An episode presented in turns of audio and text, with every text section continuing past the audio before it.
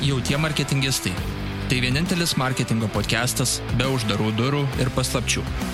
Tik čia sužinosi visas karščiausias bei aktualiausias marketingo naujienas, patarimus bei išgirsi efektyviausias pardavimų strategijas be jokių bet. Patirtimi ir naujienomis dalinsis mūsų vieninteliai ir nepakartojami marketingistai Simonas Naudžius ir Paulius Šetkus.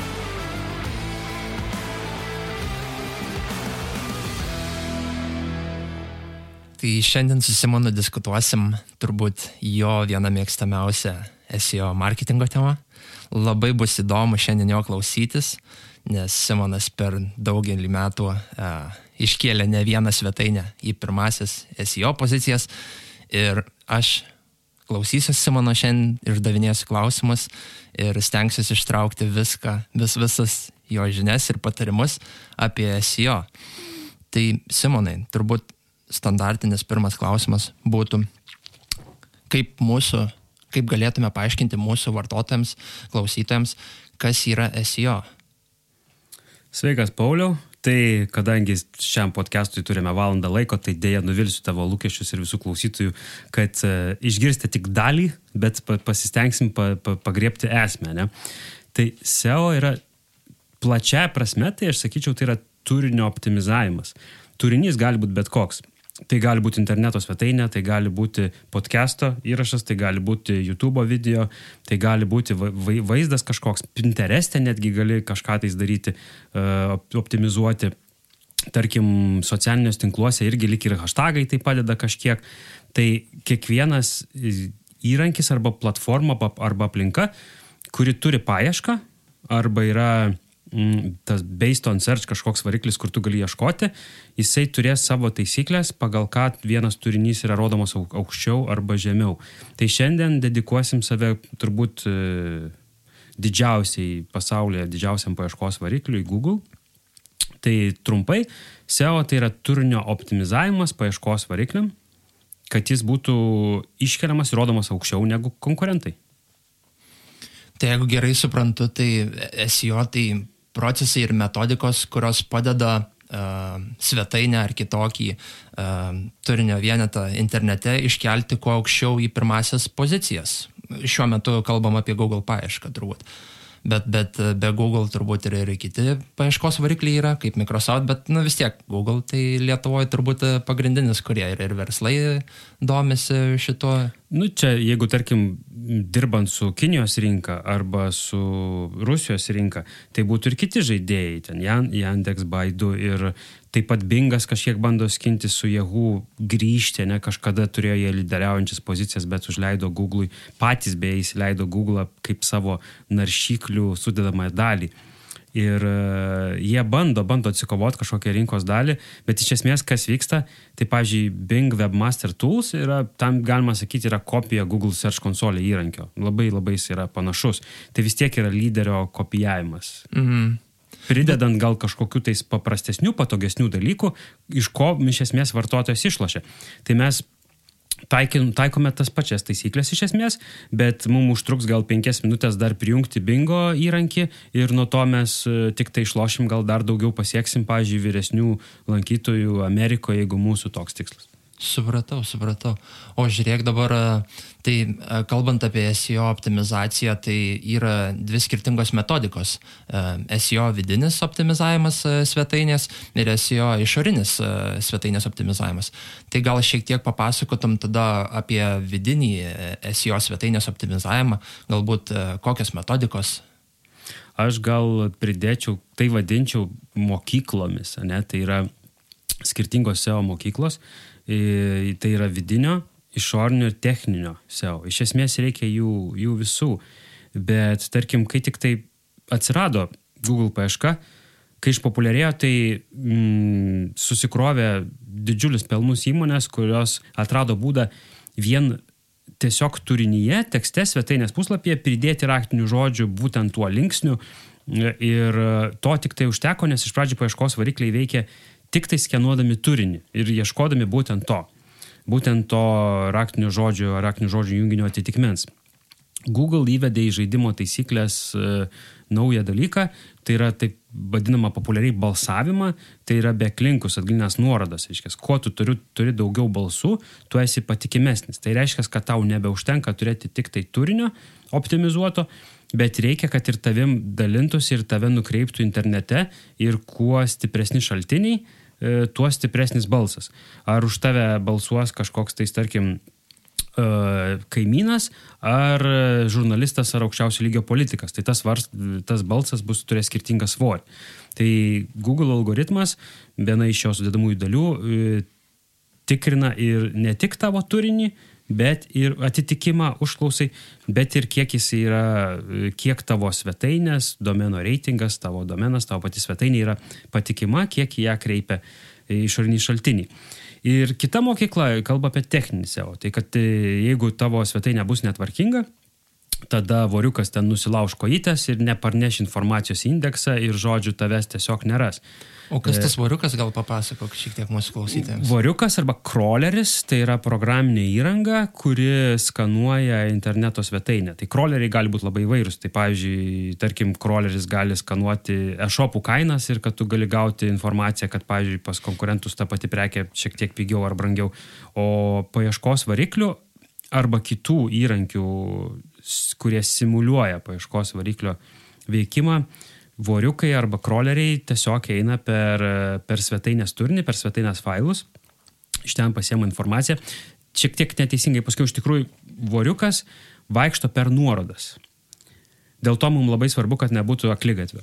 Tai patenka iš vieno puslapio į kitą, iš trečio į kitą ir taip internetas tampa kaip e, ekosistema tarpusavės sujungtų turinio vienetų. Ir URL, tas Unique Resource Locator, iš esmės yra adresas, tarkim, kaip. Tai nuorodos struktūros e, turbūt. E, Net pat nuoroda, ne, iš esmės, kas yra nuoroda? Nuoroda tai yra adresas, kaip pavyzdžiui būtų Vilniaus gatvė 10, tai pasako, kad ten yra tas turinys padėtas. Mm. E, ir tas turinys, jisai turi būti tada unikalus. Jisai turi savo adresą, jeigu jis unikalus ir jisai turi nuorodas atvedantis į jį ir išvedančius iš jo, tada jisai tampa vertinga interneto ekosistemos dalis. Mhm. Tai dabar grįžtant prie tavo klausimo prie vidinio SEO. Mhm. Tai vidinis SEO tai jau yra iš esmės veiksmai. Prieš tai reikia atlikti raktinių žodžių analizę. Mhm. Tai, tai yra pats pirmasis SEO žingsnis, be kurio negalim pajudėti iš vietos. Taip mes galim tvarkyti techninius dalykus, taip mes galim praplėsti, optimizuoti turinį ir netgi turėsim gerus rezultatus, visai neblogus. Ypač jeigu busim pirmieji rinkoje, pavyzdžiui, su ten liofilizuotais vaisiais, tai vien to užteks, kad mes busim pirmosiose paieškos pozicijose.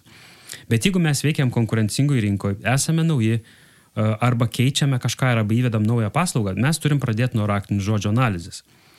Raktinių žodžių analizė apima, tai yra kaip rinkos tyrimas, bandymas suprasti vartotojo elgseną, kaip skirtingose pirkėjo kelionės etapuose žmogus ieško, kokio turinio jam reikia. Tai tyrimai rodo, kad virš 80 procentų mūsų paieškų yra informacinės ir tik tai 20 procentų yra komercinės arba pirkimo arba navigacinės. Tai mes dažniausiai, kai turim problemą, norim suprasti, kas yra, ieškoti sprendimo būdų ir tik tada pirkti.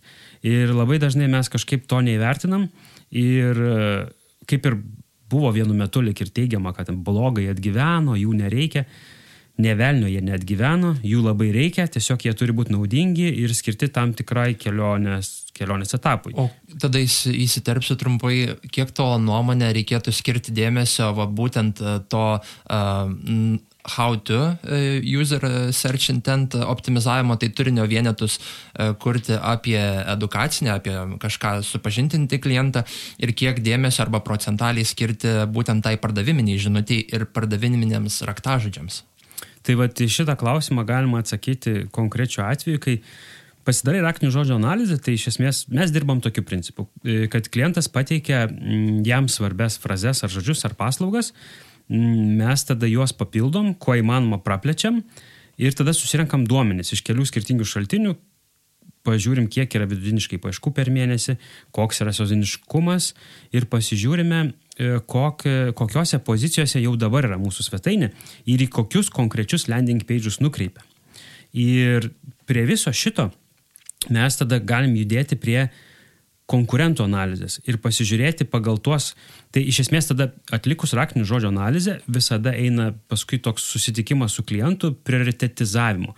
Tai reiškia, mes praplečiam tą sąrašą ir tada su klientu bendraudami mes jį kuo įmanoma labiau susiaurinam ir ieškom nišų. Ir jeigu mes pamatom, kad tam tikros frazės, tam tikri raktiniai žodžiai yra pakankamai populiarūs, mūsų jau interneto svetainės puslapiai jau yra, pavyzdžiui, top 50, top 30 ar top 70, bent jau įpatenka top 10 puslapių mm, paieškos rezultatų, jau tai yra mums gera terpė optimizuoti.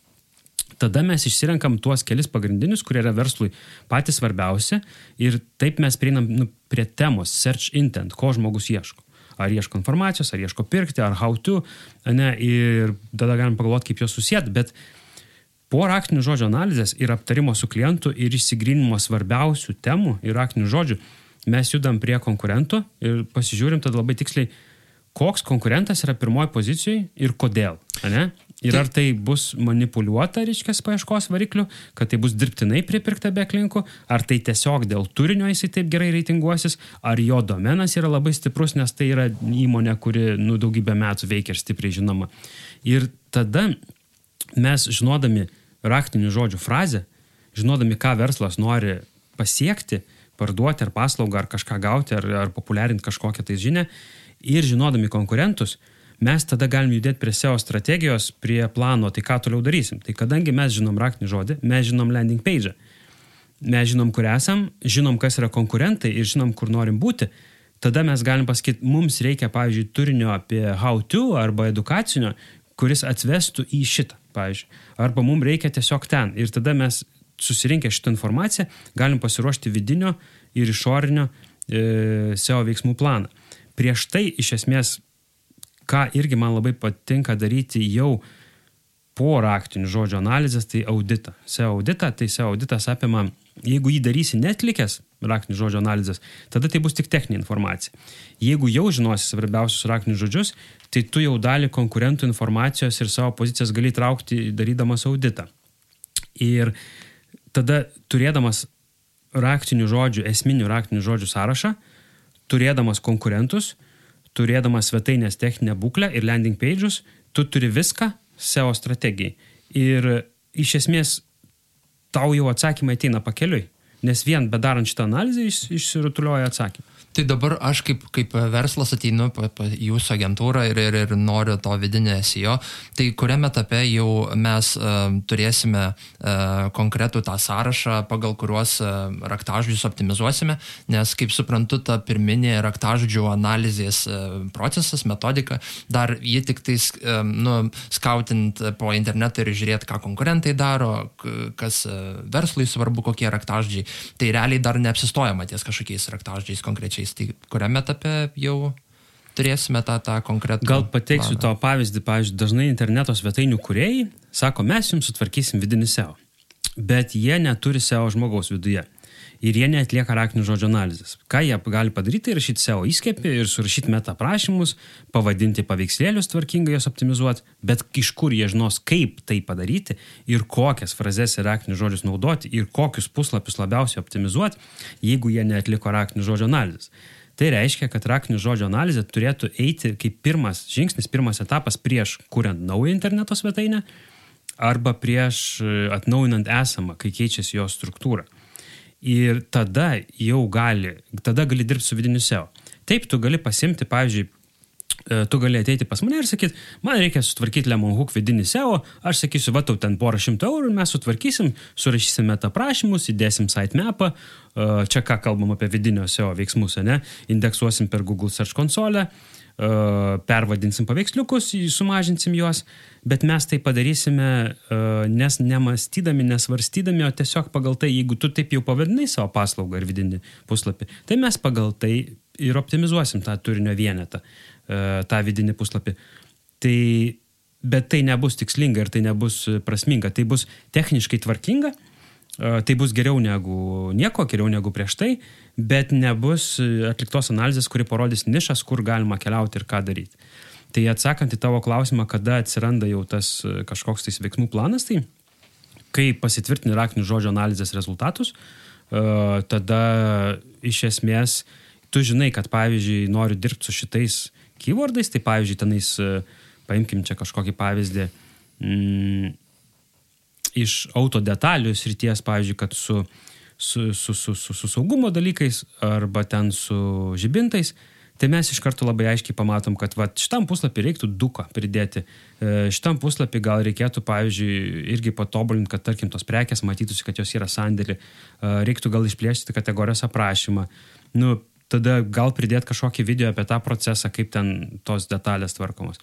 Jeigu tai, pažiūrė, yra sveikatos sritis, kur yra labai svarbus momentas Google Your Money or Your Life, tai yra sveikatos, medicinos ir finansinės paslaugos yra su padidinimu stiklu pažiūrė, peržiūrimos. Tai, pažiūrėjau, vakar turėjom atvejį ir diskusiją su klientu, kaip tik įvyko pirminis raktinių žodžių analizės aptarimas ir matosi, kad ta svetainė yra, yra skirta Europai, bet ang, angliakalbiai. Europai, nu, čia pasakiau ir nepatikėjau, nes tokia nelabai egzistuoja. Tai mes matom, kad ten dauguma raktinių žodžių pozicijų yra toliau negu dešimtas puslapis ir uh, turinys pats nevažiuoja, pats ne, negeneruoja organinių paieškų. Tai iš esmės tada mums yra signalas, kad e, Google'as nemato šito svetainės, šito turinio kaip e, patikimo ir tada mums reikia ieškoti balto halato, reikia, kad valstybinės įstaigos, medicinos įstaigos turėtų nuorodas į tą svetainę, nes kitaip net ir nuostabus turinys gali negeneruoti e, organinių rezultatų. Supratau, tai kaip ir aptarėme tą didžiąją dalį vidinio e, SEO, tai jeigu gerai supratau, tai labai daug dėmesio reikia skirti raktažodžio optimizavimui, išsigryninimui e, ir pačio to vidinio turinio optimizavimo. Dar tai- pridėčiau peradresavimus redirektus broken linkus, tai va tokia hygiena, ne? Tai tas vidinis SEO jis labai perspintas su techniniu SEO. Jo. Tai vidinis SEO, galim sakyti, pavyzdžiui, kas būtų susijęs su turiniu viskas, paveikslėliai, jų aprašymai, Taip. tekstai, kažkokie, žinai, bullet pointsai, tie dukai ir visi kiti dalykai. O jau šitas techninis SEO, tai, pavyzdžiui, peradresimai, jeigu yra daug puslapių 404 klaidų, reikia aiškintis, kodėl jos atsiranda ir kad jos nebeatsirastų, esama sutvarkyti. Ir čia mums labai padeda Google Search Console, nes tie visi kroleriai, mes prie įrankių eisim turbūt vėliau truputėlį, ne? Taip. Tai dabar tada galiu neišsiplėsti. Tai viskas tvarkoja, tai, tai dar dėl vidinio to SEO, tai ir, ir, ir meta descriptionus tuos apsirašyti, title tagus labai svarbu, ne, irgi susižymėti, kad, kad e, vidinis tas turinys Čia turėtų reikia irgi. suprasti tokį dalyką, kad e, SEO yra labai plati disciplina ir jinai apima ir turinį, ir techninę dalį, ir jinai ir, ir, ir gali būti ir labai nuobodi, ir labai įdomi. Ne? E, tai išorinis SEO, iš vis tai aš vadinčiau pirk parduok, e, nes iš esmės tu turi turėti portalų sąrašą, jų kainodarą, paruošti gerą turinį, jį skleisti, talpinti, tai kažkur tu patalpinsi nemokamai, kažkur už labai brangiai. Tai e, nušoka mano paties mintis. Tai viskas kaip, kaip ir aišku ties vidiniu, tai vad gal tada papasakok šiek tiek daugiau apie tą vat, išorinį SEO, kiek jau dalinai lietėjai iš, Va, iš kairių. Prisiminiau, ką norėjau pasakyti. Tai rekomendacija visiems, kurie domisi SEO, uh, nepaskesti informacijos tam liūnė didžiuliam, nes kai labai dažnai pradedantysis SEO specialistas gilyn nueina į techninės detalės ir, pažiūrėjau, atsidaro, įsirašo į WordPressą jau SEO įskėpį ir nori žudbūt žalio burbuliuko. E, tai žalias burbuliukas atsiranda, kai tu įrašai keywordą, tada, kad tas yra, reiškia, bazinės taisyklės, jis ten turi būti panaudotas, turi būti toks tankumas, tiek kartų, jis turi būti paveikslėlį, turi būti vidinės išorinės nuorodos. Ir ant kiekvieno iš jų gali paspausti ir pakliusi jau SEO blogą, kur tau paaiškins, ką tai reiškia. Bet e, tas įskiepis turi limitacijų. Tai pavyzdžiui, jeigu, tarkim, e-shop'e bus, tarkim, susiję produktai sudėti e, kitaip, ne, arba į kodą tiesiai, arba per kitą įskėpį, tai jau SEO jų gali ir nenuskanuoti ir tau sakys, kad išorinių nuorodų nėra, nors jos iš tikrųjų yra, tai, tai nereiktų aklai siekti to žalio burbuliuko, nors tai šiaip gera patirtis pasimokyti, bet jeigu mes pasirinksim blogai raktinį žodį, kuriam mes optimizuojam tą puslapį, tai tada visa tai neturės prasmės. Tai čia mes prieinam prie tokio esminio dalyko. Jeigu pradeda dirbti su SEO, galit mest viską iš galvos. Pasilikit, va, ats, po šito podcast'o atsiminkit vieną esminį dalyką. Jums svarbus raktinis žodis turi būti URL, ta raktinių žodžių frazė turi būti URL, nuorodoje, turi būti puslapio pavadinime, turi būti antraštėse, turi būti paveiksliukiuose, sinonimai panaudoti tekste ir panašus keywordai. Viskas. Tai yra bazinis, reiškia, bazinė turinio rekomendacija ir pats svarbiausias vidinio SEO dalykas. Supratau, viskas labai aišku, kaip tiesiai ant popieriaus. Tai gal tada siūlyčiau per, per, pereiti prie išorinio to SEO, gal tada būtų įdomu išgirsti irgi apie, apie tą vadinamąjį link buildingą, nuorodų um, generavimą, galbūt kažkokius patarimus gali pasidalinti uh, būdais, kaip generuoti juos. Paskui tas irgi uh, guest blogging, tai kaip uh, uh, rašai uh, kitoj svetainiai uh, įrašą ir tikiesi gauti savo svetainiai in exchange. E, tie patys atsiliepimai irgi išorinės jo taktikos, metodikos, tai gal šiek tiek galėtum papasakoti šiuo klausimu. Tai čia turbūt būtų dvi mokyklos, e, oficiali ir neoficiali, nes pagal Google reikalavimus ir rekomendacijas, tai tas pats links, link exchange'as yra draudžiamas, linkų pirkimas yra draudžiamas ir linkas gali atsirasti tik tai, kai pats autorius jį ten įdeda, žodžiu, ne už pinigus savo norų. Bet kaip Google tai patikrins, ne? Tai reiškia, nu taip, tos visos black hat SEO taktikos, kai linkai yra užperkami dideliais kiekiais, atsiranda įvairių kalbų interneto svetainėse, puslapiuose, vidiniuose, kurie yra net nematomi, jų net negali rasti, jie yra, pažiūrėjau, padaryti tokia spalva kaip, kaip turinys. Deja, visi šitie dalykai dar veikia. Anksčiau tai jie padėdavo pasiekti e, pirmus, pirmus puslapius paieškos rezultatų, dabar jau Google nuolat tobulėja ir kuria, tobulina savo algoritmus, kad to spamo liktų kuo mažiau. Tai kuo mes daugiau naudojam Black Hat taktikų, tai yra manipuliatyvinių taktikų, kai mes iš tikrųjų norim padaryti, parodyti kažką kito arba daugiau negu kažką turim, Tai su kiekvienu Google update mums didėja rizika, kad mes krisim žemiau arba busim pašalinti iš paškos rezultatų ir gausim kažkokią baudą. Tai, tai su išornio SEO yra va, gal trys keliai, nesakyčiau. Tai yra sunkusis, ilgasis ir efektyviausias kelias, yra paprasčiausias ir brangiausias ir yra va, tas black hat, ne, kai automatiškai prisiperki už centus. Tai tas sunkusis kelias būtų toks eiti per asmeninius ryšius, per asmeninę patirtį. Pavyzdžiui, jeigu mūsų įmonės darbuotojai, vadovai yra, pavyzdžiui, baigę kažkokias aukštasias mokyklas. Gal ta aukštoji mokykla gali prašyti kažkokį straipsnį alumnio, ne, skiltyje apie sėkmingą verslą absolvento ir tai jau ir tu gausi tada tą beklinką labai kokybišką, labai gerą, unikalų, kurio joks konkurentas negaus. Bet tu turi, turi įdėti asmeninių pastangų, ne, ir jokia agentūra už tave to nepadarys. Tai tada bendradarbiavimas su kitom organizacijom. Kūrėm kažkokį renginį, dalyvavom kažkokiam projekte ir, pavyzdžiui, viešųjų ryšių specialistai ir agentūros, jos iš esmės jau daro išorinį SEO ir labai gerai, Uh, tik tai kartais gal nežino arba pamiršta paprašyti, kad tame straipsnėje ar turinio vienete atsirastų dar nuoroda, atgalinė nuoroda, nuoroda į, į jūsų svetainę. Tos turėtų būti do follow, ne? Kiek žinau, kad e, ten yra skirtingi kažkokie tipai. E, tai nuorodų. aš tai mastau labai paprastai. E, jeigu tu, tau priklauso didžiausia pasaulyje biblioteka, tai tu tikrai norėsi turėti joje ir uždraustą turinį. Tai mes galim sakyti Google no follow, do follow, galim sakyti sponsored link, vis tiek tas variukas eis, skanuos, taip, gal jis savo pasidės kažkokią žymą, nusineštą informaciją į indeksą Tai gal vat, pačioj pradžioje šito nepaminėjom, kad mes naršom ne realiai internete, o mes naršom Google indekse. Tai tik dėl to mes galim taip greitai gauti per dalį sekundės rezultatus. Tai reiškia, kad mūsų padaryti pakeitimai, jie taip greit indekso nepasiekia. E, bet čia galbūt atskira tema. Tai grįžtant prie išornio SEO. Tai tas ilgasis, sunkusis kelias, jis praktiškai nieko nekainuoja ir gauni labai stiprius, stipres atgalinės nuorodas, unikalias, kurias joks konkurentas negaus. Ir jos yra labai naudingos. Tada kitas kelias tai yra tiesiog e, pirkti straipsnių talpinimą portaluose.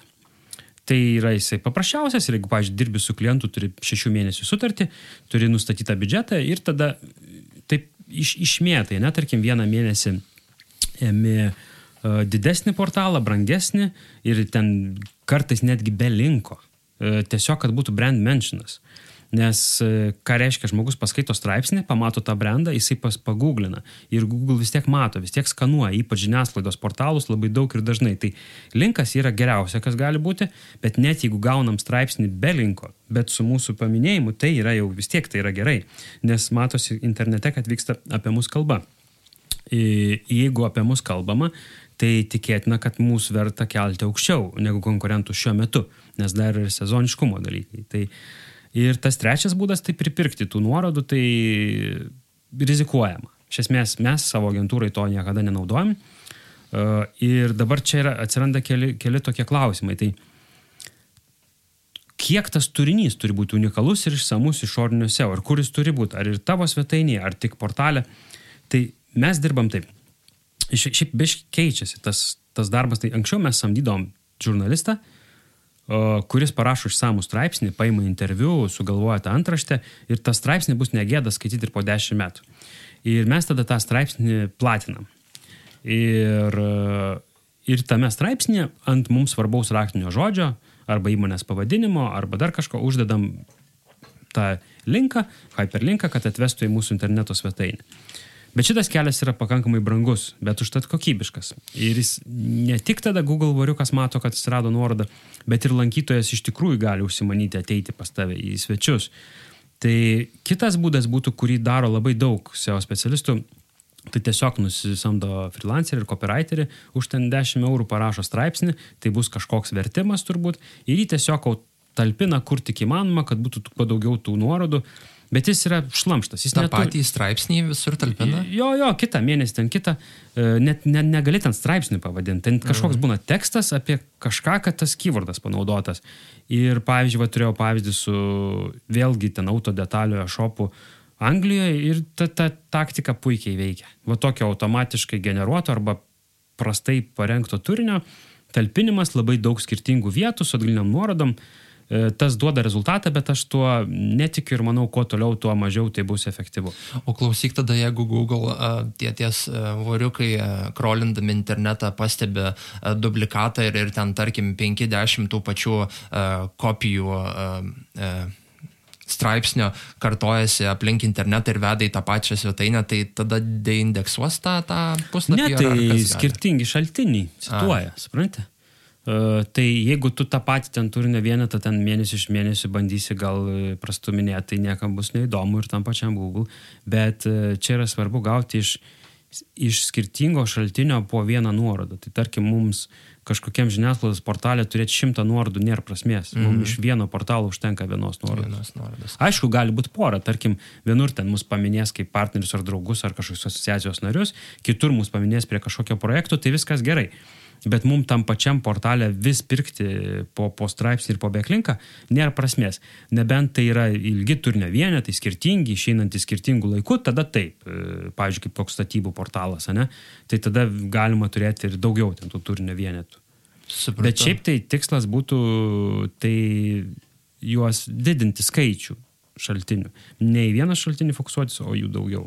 O sakyk, kaip, kaip e, pagal ką nusistatyti e, nuorodų e, stiprumą, reikšmingumą, tai aš turiu turbūt omenyje, tai tarkim, vat, pasirašom straipsnį su kažkokiu raktažodžiu, kurį norim talpinti ir vat, e, yra kelios svetainės, ten naujienų portalas, kurio domain authority ten 60 e, kokį ir paskui e, kita svetainė, koks forumas irgi, bet jau su ta tema, tarkim, jeigu mes pardavinėjom automobilio detalės, tai forumas apie automobilio detalės irgi, kurio domeno authority 60 ir naujienų portalas, bet jau nebe automobilio automobilių detalės, o bendras kažkoks naujienų portalas apie, nežinau, naujienas. E, e, tai va, kaip susigeneruoti, e, nu, nusistatyti kuris yra, kuri nuoroda yra vertingesnė šiuo atveju. Jeigu konkurentai yra visur, tai ir tau reiks būti visur. Tai iš esmės vertingiausia tai bus ta, kuri generuoja srautą kokybišką.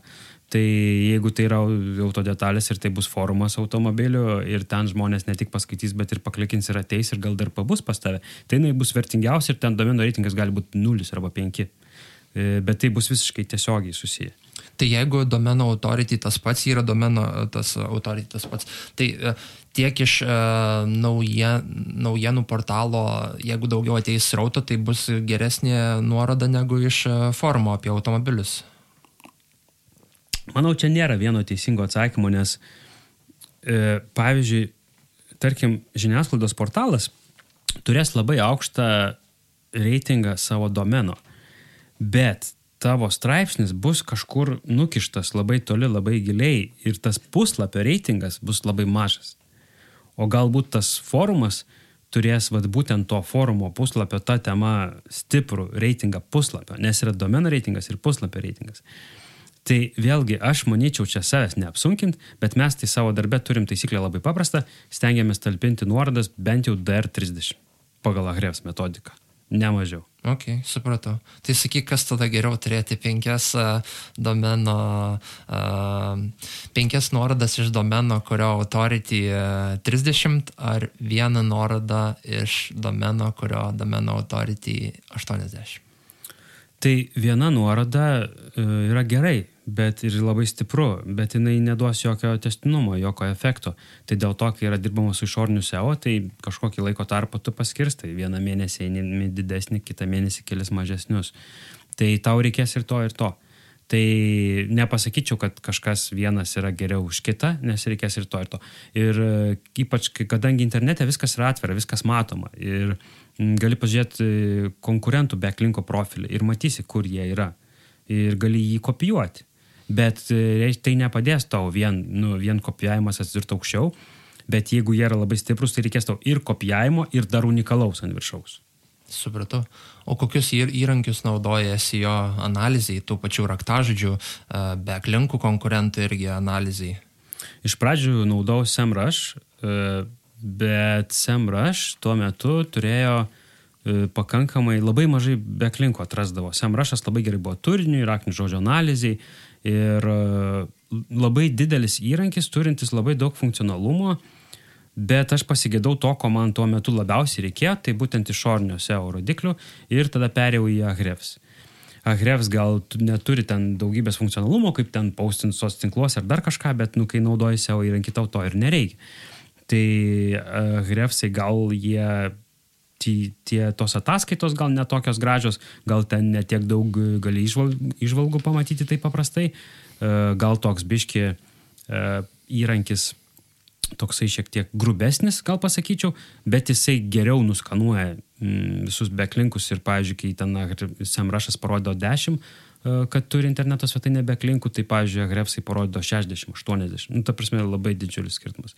Žinau, kad mačiau, kad uh, buvo paleidę nemokamą išorinio SEO skanavimą, tau užtekdavo susijęti vien su Google Search konsole ir e, matyti, jie taip norėjo ištaisyti šitą klaidą ir pasipildyti tą sąrašą, bet ar tai davė teigiamų rezultatų, nežinau, nes dabar šiuo metu daugiausia naudoju Ahrefs, būtent raktinių žodžio analizai ir techniniam auditui, o taip pat e, palengvina darbą toks e, įskiepis chromo, keywords everywhere, Bet dabar mokamai jį padarė, tai aš jau mažiau naudoju. Jo, bet kai reikia idėjų pasirankio dar kažką, ja. tai jisai irgi šiek, šiek tiek padeda. Mhm. Tai e, visai neblogai. Nu ir aišku, yra tų pačių, vat, tų pačių SEO įrankių dar ir naršyklių įskiepiai.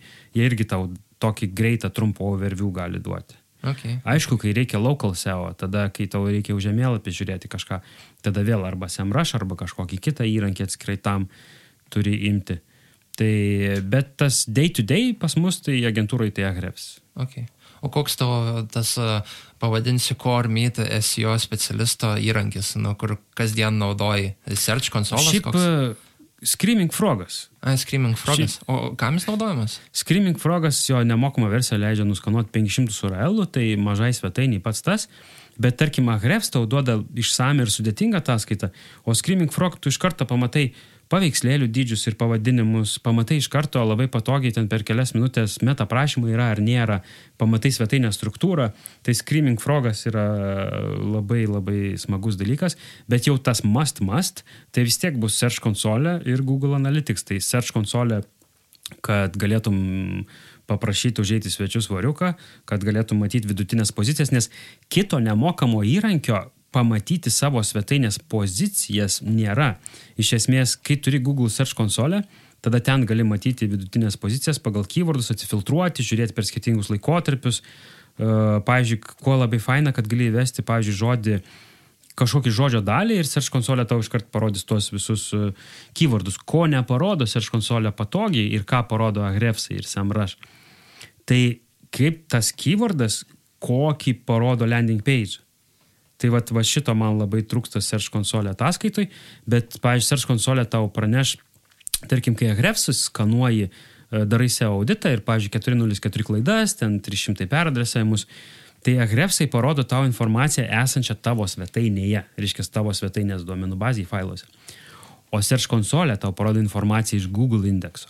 Tai pavyzdžiui, jeigu tavo svetainė buvo pakeista į naują ir tu nepadarėjai svarbiausių puslapių peradresavimų, tai nebeturi būdo atrasti juos. Tik Search konsolė pagalba. Arba Google Analyticso gali eiti per praeitie lankomiausius puslapius ir patikrinti, ar jie dabar veikia bet e, kam tai daryti ranka, jeigu Search konsolė tai tau gali parodyti. Ir jeigu Google tave kažkuo nubaus ar kažką padarys, tai irgi pasimatys Search konsolė. Tas pats visi struktūriniai duomenys, ar jie veikia, e, rich snippetai, visi viskas, tai, tai ta ataskaita irgi yra Search konsolė ir Google šiaip investuoja daug į Search konsolę ir vysto, yra atskiras tam blogas, gali pasiskaityti. Mm, tai ir, ir updateina, jeigu pas tave vis kažkas nutinka. Bet aš kartais pastebiu tokių keistų dalykų, kad ateina Google laiškas ir tu žiūri, žiūri ir nerandi svetainiai tos klaidos niekur, eini per kodą, viską. Tai įdo, įdomių būna dalykų, bet uh, Search konsolė yra tas must dalykas ir kai turi Search konsolę, gali pasileisti nemokamą Hrefs versiją. Tai nemokama Hrefs versija tau leis daryti tavo svetainės auditą, neleis ten žiūrėti raktinių žodžių pozicijos, bet jau gausi labai daug labai naudingos informacijos. Tai Google organizuoja tos irgi, kas kažkiek laiko webmaster, tos live video, ne, kur, kur ir tas naujienas ten apžvelgia. Tai va čia yra Search konsolė. Jo, tai, tai turbūt mūsų klausytėm irgi naudinga būtų retkarčiais e, pasižiūrėti, pasiklausyti, kas ten, kur naujo įdėkta buvo. Ir čia tu man priminėjai tokį dalyką vat, apie klausytojus, kad mm, kartais man tenka daryti mokymus žmonėm, kurie jau praėjo savo mokymus ir aš pasigendu tos esmės. Pasigendu žmonėse supratimo, kad internetas yra unikalaus turinio biblioteka ir kad mes turim pradėti nuo turinio. Ir esu matęs pavyzdžių, kai nu baisi senovinė svetainė lūštanti, bet jinai turi unikalų turinį tą temą ir jinai yra pirmoji pozicijai nauji, žiauriai, nauja žiauriai graži svetainė su nuostabiu dizainu, puikiai greitai veikianti, bet turinti labai mažai turinio ir visiškai neturinti backlinkų, yra iš vis nerandama net top 10 puslapiuose. Tai kaip ir jau atsakėjai mano sekantį klausimą, kas vis dėlto yra SEO karalius, tai turinys atgalinės nuorodos ar svetainės greitis bei optimizacija. Tai vad SEO Lietuva Facebook'o grupiai buvo iškelta tokia apklausa, uh, neatsiminu to žmogaus vardo, bet noriu jam padėkoti, kas svarbiau vidinis, iš ten išorinis ar techninis SEO. Ir, ir va čia kaip ir pradžioje kalbėjome apie tas mokyklas. Kad aš tai esu šalininkas vidinio SEO ir turinio SEO. O nu, taip, jeigu tu darai svetainės auditą ir stebi svetainiai masinės kažkokias klaidas, tai jas tikrai reikia tvarkyti. Taip, jeigu svetainė labai lietai veikia, vos veikia, tai tikrai tai reikia tvarkyti, ar keisti serverį, ar pačią svetainę. Uh, bet uh, lankytojas ateina ne dėl greičio svetainės ir ne dėl jos veikimo, o dėl to, kad jis turi problemą ir nori ją išspręsti. Į jo problemą atsako turinys, kaip taisyklė tekstinis turinys, bet labai padeda ir kitos turinio formos - video, infografika ir atsisiuntimai, dar kažkas. Supratau. Šiek tiek palėtė irgi local SEO temą. Tai um, ką daryti, jeigu vat, esu verslas, jaunas verslas, turiu kepiklėlę kažkokią, vat, Kaune, tarkim, nedidelę, pradėjom, va čia jau keli metai darbuotis ir norim va pritraukti tų uh, lokaliai klientų didesnį srautą. Kokie mūsų turbūt būtų pirmi tie žingsniai, kaip optimizuoti tą local SEO, kad va, būtent ateitų lokaliai klientai aplinkui gyvenantis? Visų pirma, tai Google My Business paskyra kuri turi būti prižiūrima, atnaujinama, reikia dėti ten meniu, reikia dėti išsamų aprašymą, panaudoti tą patį keywordą, netgi tą Google My Business paskyrą galbūt pavadinime įtraukti tą raktinį žodį. Tada prašyti lankytojų, kad paliktų atsiliepimą. Ir iš esmės konkurencingoje aplinkoje, pavyzdžiui, tarkim, gėlių parduotuvė ar kažkas, tai vidinis SEO tampa labai sunkus, nes teoriškai e, local SEO Tai yra, ne, reikia tų pačių beklinkų iš išorės, bet nėra svarbu jų kokybė, svarbu, kad jie būtų iš to regiono, iš to rajono, iš to miesto. E, tai atvirkštinis dalykas išoriniam SEO. Bet e, to neužtenka. Reiškia, konkurencingoje aplinkoje tavo turi būti tvarkingas svetainės. Ir vidinis SEO, ir išorinis SEO, ir Google My Business paskyra. Bet jeigu tu esi nedidelis lokalus verslas ir šalia nėra kažkokių labai nu, konkurentų, daug tą pačią veiklą užsiemusių, tai vien tvarkinga Google My Business paskyra ir aišku dalinimas į socialiniuose tinkluose, jau tau, jau tie, kas ieškos, būdami tam rajone, tave ras e, tikrai labai aukštai. Bet konkurencingoje aplinkoje tai vis dėlto Google My Business vien tik tais neužteks. Niekaip, ypač va, restoranai ar dar kažkas, ne, mm. tai, tai tikrai turi atsinaujinti tą meniu ir, ir įtraukti ir tos socialinius tinklus, ir generuoti srautą, ir visus tos TripAdvisorius, ir svetainę irgi, nu, tobulintis neužteks vien tik tai. Gal gali pasidalinti irgi tada keliais e, patarimais, ką, ką va, būtent optimizuojant e, Google My Business paskirtą mūsų klausytojai turėtų atkreipti dėmesio. Nes šiaip iš savo patirties, kiek matęs irgi restoranų ten e, lankėsis ir, ir kepiklėlių tų pačių, tai vieni nuo kitų skiriasi kaip diena ir naktis, tai kiti ir tų nuotraukų ten prideda kažkokių ir, ir tų atsiliepimų ten daugiau, vat, ir tų raktažodžių gal kažkokių aprašymuose yra daugiau įdėta negu ten tiesiog užeikite kepiklėlį, atsidarė nauja Kaune, žinai. Tai va, tai ir atsakė į savo klausimą, ką reikia daryti. Reikia tiesiog komunikuoti apie tai, ką turi, aiškiai, teisingą darbo laiką. Jeigu tas verslas įsikrausti ar dar kažką, tai, tai gal reikia pažymėti, kad jis klaust.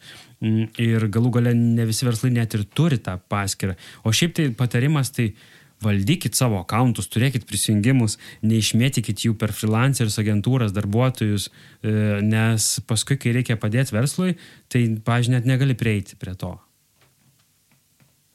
supratau. Dabar turbūt vis tiek per tą daugelį metų su klientais ir, agentūrinėme gyvenime Rocket Science ne vieną svetainę esate iškėlę į pirmasis Google pozicijas ir turbūt per, per tuos ilgus darbo metus patirties turi kažkokį vaizdą susidaręs, kokios didžiausios verslų klaidos arba kaip ateina ir, ir, ir matai e, SEO būtent klaidos. Tai Gal galėtum paplėtoti šiek tiek, ko mūsų klausytojai e, neturėtų daryti SEO klausimais. Tai e, dar gal truputėlį dar prisiminiau prisimin vieną dalyką, pavyzdžiui, techninis SEO e, labai svarbus e-shopė tampa. Mm. Kad atvaizduotų produktus, atsiliepimus, visas tas žvaigždutės, kainas, brandus, tai va jau e-shopo savininkas, tai jau turės turėti gerą draugą techninį SEO specialistą. Dar prie, prie, prie turinio specialisto neužteks.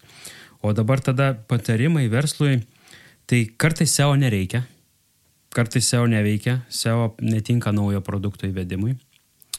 SEO yra, gali daryti viską pats, nieko nekainuos, bet užims laiko, mm, daug išmoksi ir turėsi puikius rezultatus.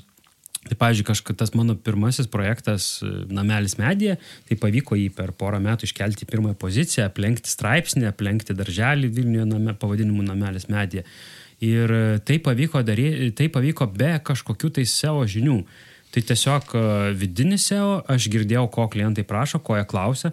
Pavyzdžiui, jie klausia apie leidimus, tai tada sukūriau svetainėje įrašą apie leidimus. Aišku, tam teko pasidomėti su valstybiniam įstaigom, su advokatu, nu, kad tas turinys būtų prasmingas, teisingas. Tada dar kažko klausia, tai ir to, ko mane žmonės klausdavo, aš tengiausi įdėti į svetainę ir tai, ką aš padariau prieš 3-4 metus, vis dar, dar dabar atveda nemokamą organinį srautą ir man, kai žmonės paskambina, tai jie jau būna tai perskaitę. Tai reiškia, mes nesamoningai labai teisingai darom dalykus, praplečiam turinį, kartą per ketvirtį ar bent kartą per metus paruošiam straipsnį, pasamdom žurnalistę, išleidžiam jį į, į žiniasklaidą ir jau tai mums generuoja organinius rautai ir aukštus rezultatus. Dabar jau teko pagrindinio raktinio žodžio namelis medija pozicijas užleisti bookingo dalykam, nes tie, kas yra nuomos, jie sulaukia daugiau srauto negu, negu namelio medį įrengimo tai e, dabar jau išstumė iš pirmosios pozicijos. Kol dar nebuvo tiek daug Lietuvo jų nuomojamų, tai, tai, tai buvo vien to dėka pavykę. Tai kartais verslų SEO nereikia. Pavyzdžiui, jeigu tai yra kažkoks dalykas, kurio žmonės nežino, arba jis naujas, tai tada SEO netiks, nepadės, jeigu jis labai nišinis. E, tai, o iš kitos, dalyk, iš kitos pusės verslui reikia kraujo, reikia čia ir dabar apyvartos ir pajamų. Tai dėl to vis tiek reikėtų pradėti nuo Google Adsų, nuo Facebook Adsų ir prisitraukti tą srautą, žiūrėti, kaip srautas elgesi, kokia, koks turinys veikia, kokie rakniai žodžiai ir visą tą informaciją panaudoti SEO optimizavimui, kuris duos ilgalaikį, e, ilgalaikį rezultatą. Ir, pavyzdžiui, būna kartais kreipiasi klientai ir sako, nu tai kiek čia reikės laiko atsidurti pirmose pozicijose. Tai manau, kad save gerbintis SEO specialistas negali atsakyti į tokį klausimą nes į Google indeksą neįlysi. Taip, tu gali naudoti gerasias taktikas, taip, tu gali uh, to, to daryti viską, kad būtų, kad atsidurtum kuo aukščiau, bet rezultato niekada negali garantuoti, nes ne, tove, ne nuo tavęs tiesiogiai priklauso. Tu to failo nevaldai. Ir dėl to, jeigu SEO specialistas žada konkrečias pozicijas, tai yra labai drąsu. Jeigu jisai tai sugeba išpildyti, tai yra puiku. Uh, E, bet labai svarbu tada pastikrinti, ar tai nebus ateity žalos iš to. Tai samdydama įmonę SEO specialistą šiek tiek perka katę maišę. Tai reiškia, turi labai gerai pasikalbėti ir įsivertinti, ar tai yra atsakingas tiekėjas, patikimas, kaip jisai dirba. Ir, pavyzdžiui, mūsų ruošiamos ataskaitos yra labai išsamios, jeigu mes kažkur patalpinam straipsnius, mes pridam visas nuorodas, mes siunčiam ataskaitą kaip kito pozicijos, ar auga organinis rautas, ir viskas būna kaip, kaip ant delno. Gal, tai gal tada... dar svarbus būtų momentas, tai vis dėlto SEO galutinis tikslas tai nėra aukštesnės pozicijos, tai yra konversijos. Tai va, kas yra SEO sėkmė? Kaip tai tu gali, pavyzdžiui, turėti pir, pirmas pozicijas raknių žodžių, kurių niekas neieško. Tai mes vėl grįžtam prie raknių žodžių analizės. Mums svarbu būti randamiem pagal tai, kas mums svarbu. O jeigu mes nežinom, kas mums svarbu, Tada agentūra mums atsiunčia ataskaitą su šimtų raktinių žodžių, kurie biški paaugo, biški nukrito, kažkas žalia, kažkas raudona, tai yra organiška, tai yra kiekvieną dieną keičiasi ir mes tada patenkinti, nes gavom kažkokį gražų Excelį, bet esmė ne tame. Tai dėl to aš pavadinau tokį skustuvo metodu, tai raktinių žodžių analizės metu nupjausti viską, kas nereikalinga, palieki esmę ir su ją dirbi. Paskui gali eiti toliau, didinti. Dabar dirbam, pavyzdžiui, su šita tema, su šitu poreikiu, su šitais raktiniais žodžiais o, pavyzdžiui, gal po pusmečio ar kažkaip eisim prie kitų. E, ir tada atsiranda labai aiškus fokusas ir tada aišku, ką tobulinti ir klientas labai supranta, kas vyksta, kaip ir kodėl ir iš ką moka savo pinigus. Tai, tai SEO yra nu, vienas iš didžiausių e-shopų pardavimo kanalų.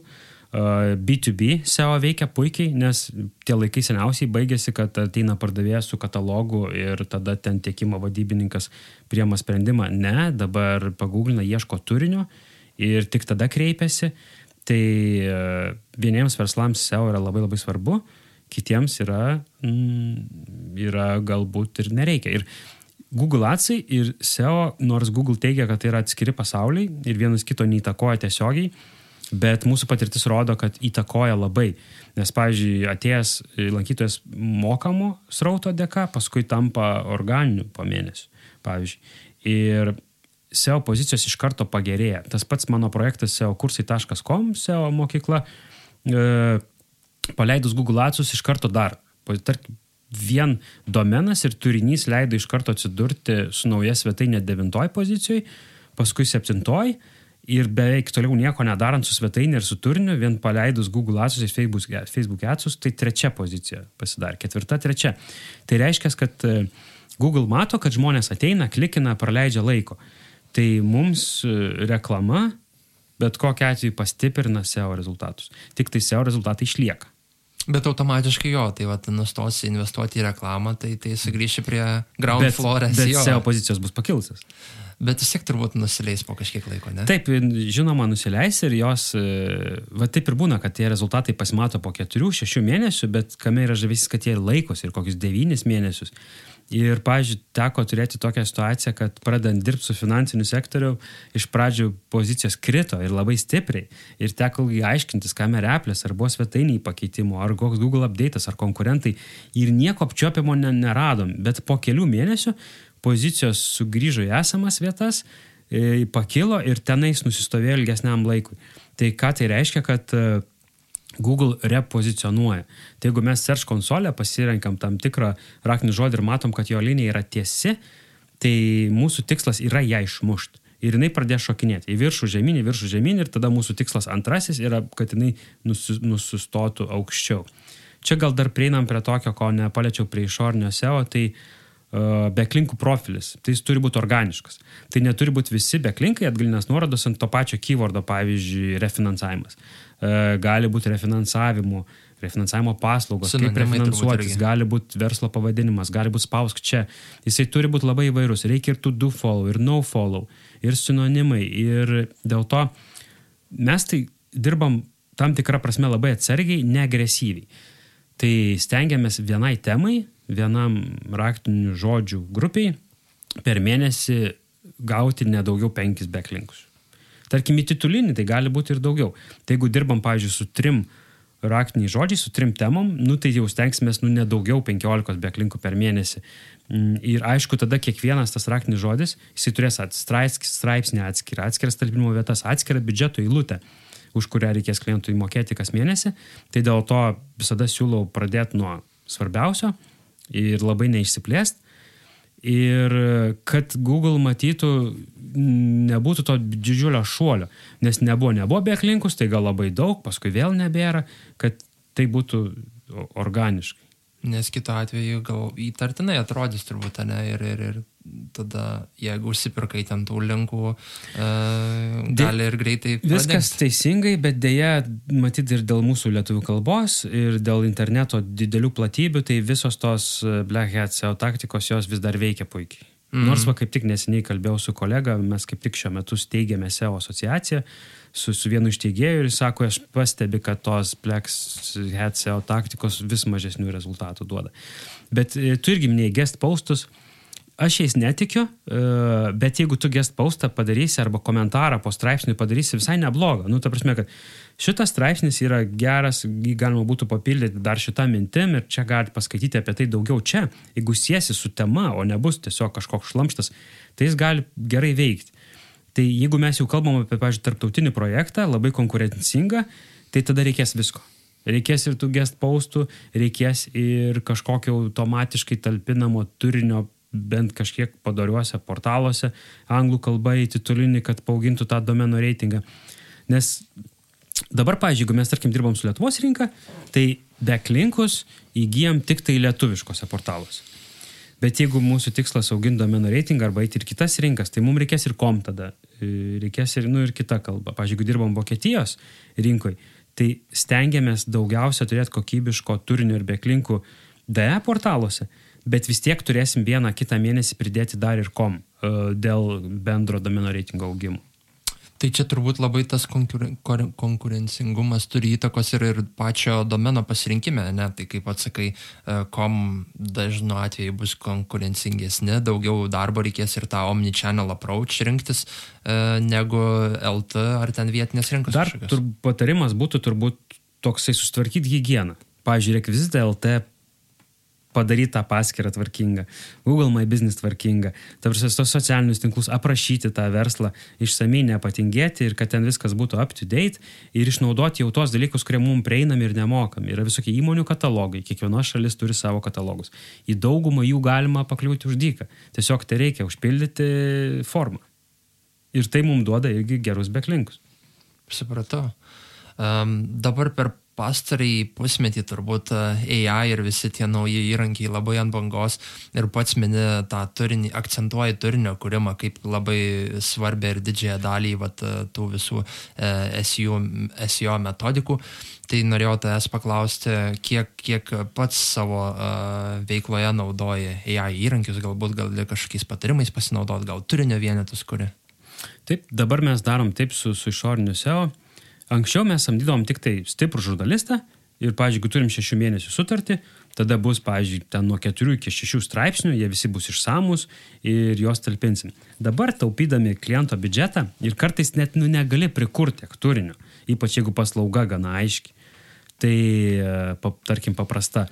Tai dabar stengiamės daryti taip, kad, pavyzdžiui, vieną mėnesį tai yra išsamus straipsnis, kitą mėnesį ruoši su čia GPT, bet redaguoji labai pa- pagal save, o kitą mėnesį samdai copywriterį, kuris nėra žurnalistas, jisai parašo gerą tvarkingą tekstą, bet jau ten nebus interviu, dar kažko.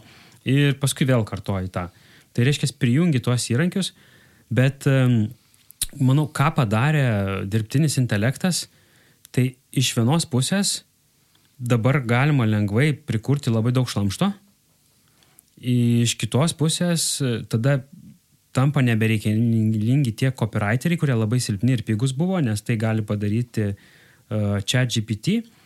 Bet vien tik tai chat GPT turinys, mm, jis yra nuobodus, negyvas ir jį padaryti unikalų yra didelis darbas. Ta prasme, turi geras specialistas padirbėti, kad gautų ten unikalų turinio vienetą.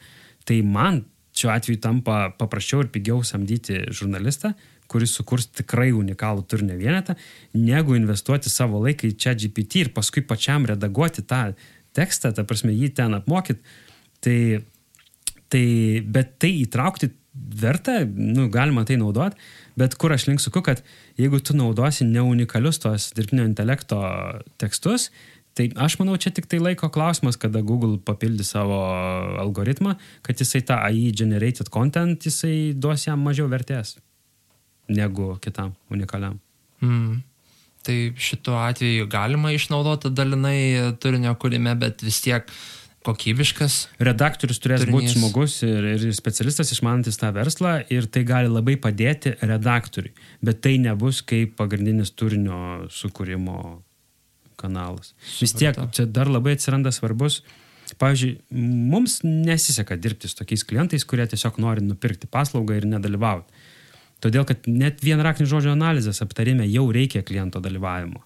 Mums reikia apsprendti sprendimus, tai, tai kokį straipsnį, kokią temą ruošim šį, koks sezoniškumas, ne, mums reikia to atgalinio ryšio iš verslo e, ir tik tada mes galim pasiekti gerų rezultatų. Tai reiškia, jeigu, tarkim, įmonė yra tokia, kuri nori tik taip sumokėti sąskaitą ir daugiau, kad jos neklaustų, tai gali pasimti freelancerį arba kitą agentūrą, kuri neinvestuoja tiek į santyki ir, ir, ir tada ten turės kažkokį tą rezultatą, gerą ar blogą, tai jau čia priklausys kaip seksis. E, bet e, aš manau visose, viso, visa marketingė, ypač skaitminė marketingė, yra labai svarbus tas, tas, tas ryšys. Supratau. Dar norėjau vieną iš paskutinių klausimų irgi paliesti temą apie SEO etiškumą ir kaip agentūros dirba ir dylina su tuo. Nes šiaip mano backgroundas turbūt vis tiek didžioji dalis yra reklama. Tai um, kaip ir tos pačios nišos verslai, jeigu skirtingos um, rinkos, tarkim Lietuva ir ten Europa, tai nekonkurencingi, tai galima darbuotis, o kaip, kaip SEO jūs darbuojatės, jeigu ateina du prekiniai ženklai, kurie prekiauja panašia maisto papildų, tarkim, produkcija Lietuvoje, ar jūs galite jiems suteikti paslaugą abiem vienodai, ar, ar, ar čia ne, ir kokių kitų et, Du dalykus čia priminiai, tai jeigu ateina panašus klientas, tai tada informuojama būdu. Arba iš karto atsisakom, nes iš esmės tu konkuruosi su savo darbu. Tai būtų netiška turėti du dantistus. O Tai dėl to, jeigu nors kyla menkiausia bejonė, aš iškart informuoju bet pusės. Arba tiesiog nedarom. E, arba atsisakau. O priminė kitą e, dalyką dėl etikos. SEO tema yra mistifikuota vis dar, nes Google nors komunikuoja labai daug. Pavyzdžiui, labai daug turinio išleidžia Google apie tai, kaip optimizuoti paveikslėlius, ypač jeigu yra daug ten iki ten žodžio failo, ten lygio, e, bet nepasako esmės ir yra bendrinis sąrašas dalykų, kurių rekomenduojama laikytis, didžiulis techninis sąrašas, bet jame pasigendi tai ką, tai vis dėlto, ką aš turiu daryti, kad būčiau aukščiau už konkurentus, ne? Ir dėl to kiekvienas SEO specialistas turi savo savitą metodiką ir visa, visos jos veikia, nu per laiką patikrintos. Ir, pavyzdžiui, dėl to klientų yra labai neaišku, e, kas iš tikrųjų vyksta ir kas yra daroma ir klientui yra sunku tai suvokti ar pamatyti. Tai, pavyzdžiui, turėjau neseniai tokį atvejį, kai atėjo klientas, kuris dirbo beveik metus laiko su agentūra, mokėjo jam nemažus pinigus kas mėnesį, rezultato neturėjo ir kai padarėm auditą, tai pamačiau, kad nieko nepadaryti.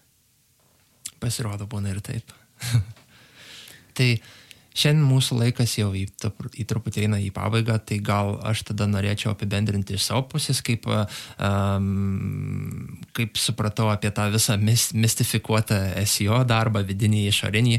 Tai, tai buvo labai įdomu tavęs klausytis, labai daug įdomių praktikų, patarimų sužinojau ir turbūt ką išsinešti galėčiau iš, iš šio mūsų podcast'o, tai kad uh, turinys yra vienas kertinių, uh, vienas kertinių aspektų, kaip optimizuoti e, SEO ir taip pat nuorodų uh, kūrimas kokybiškų nuorodų kūrimas ir tos hygienos turbūt išlaikymas savo svetainėje, kad prižiūrėti, kad kokybiškos nuorodos, kad uh, greitai suktųsi puslapiai ir, ir, ir tos hygienos. Čia tai... priminiai tokį atvejį, sumokėt gali porą tūkstančių, kad programuotojai, kad pagerintų tavo svetainės greitį šiek tiek bet tavo SEO rezultatai galbūt pagerės vos vos. Jeigu tu tą sumą skirsi žurnalistui, copywriteriui ar sukursi kažkokį, nežinau, podcastų porą paleisi, tai tu turėsi ilgalaikį rezultatą, kuris tau generuos organinis rautą. Ir labai dažnai Google porą metų kalbėjo apie tai. Labai svarbu yra Core Web Vitals, tai yra svetainės greitis, žiauriai svarbu vienas iš faktorių. Bet mano akimis ir mano patirtim tai yra mažytis faktorius. Nebent jis iš tikrųjų kiša koją, iš tikrųjų blogai veikia. Bet šiaip tai fokusas vis tiek turinys yra karalius, turinys atsako į žmogaus klausimą, turinys padeda žmogus spręs problemą ir tiesiog nepamirškim, kad kitam gale tai yra žmogus. Ačiū Simonai. Ačiū Pauliu. Ačiū, kad iki galo išklausai dar vieną jau tie marketingistai epizodą ir tikimės, jog su nekantrumu laukia išbandyti naujausius marketingo įrankius bei taktikas auginant savo verslą internete. O dar visai prieš pabėgant, kviečiu įvertinti ir prenumeruoti mūsų podcastą bei prisidėti prie didžiausios marketingistų bendruomenės kūrimo Lietuvoje. Tam kartui tiek.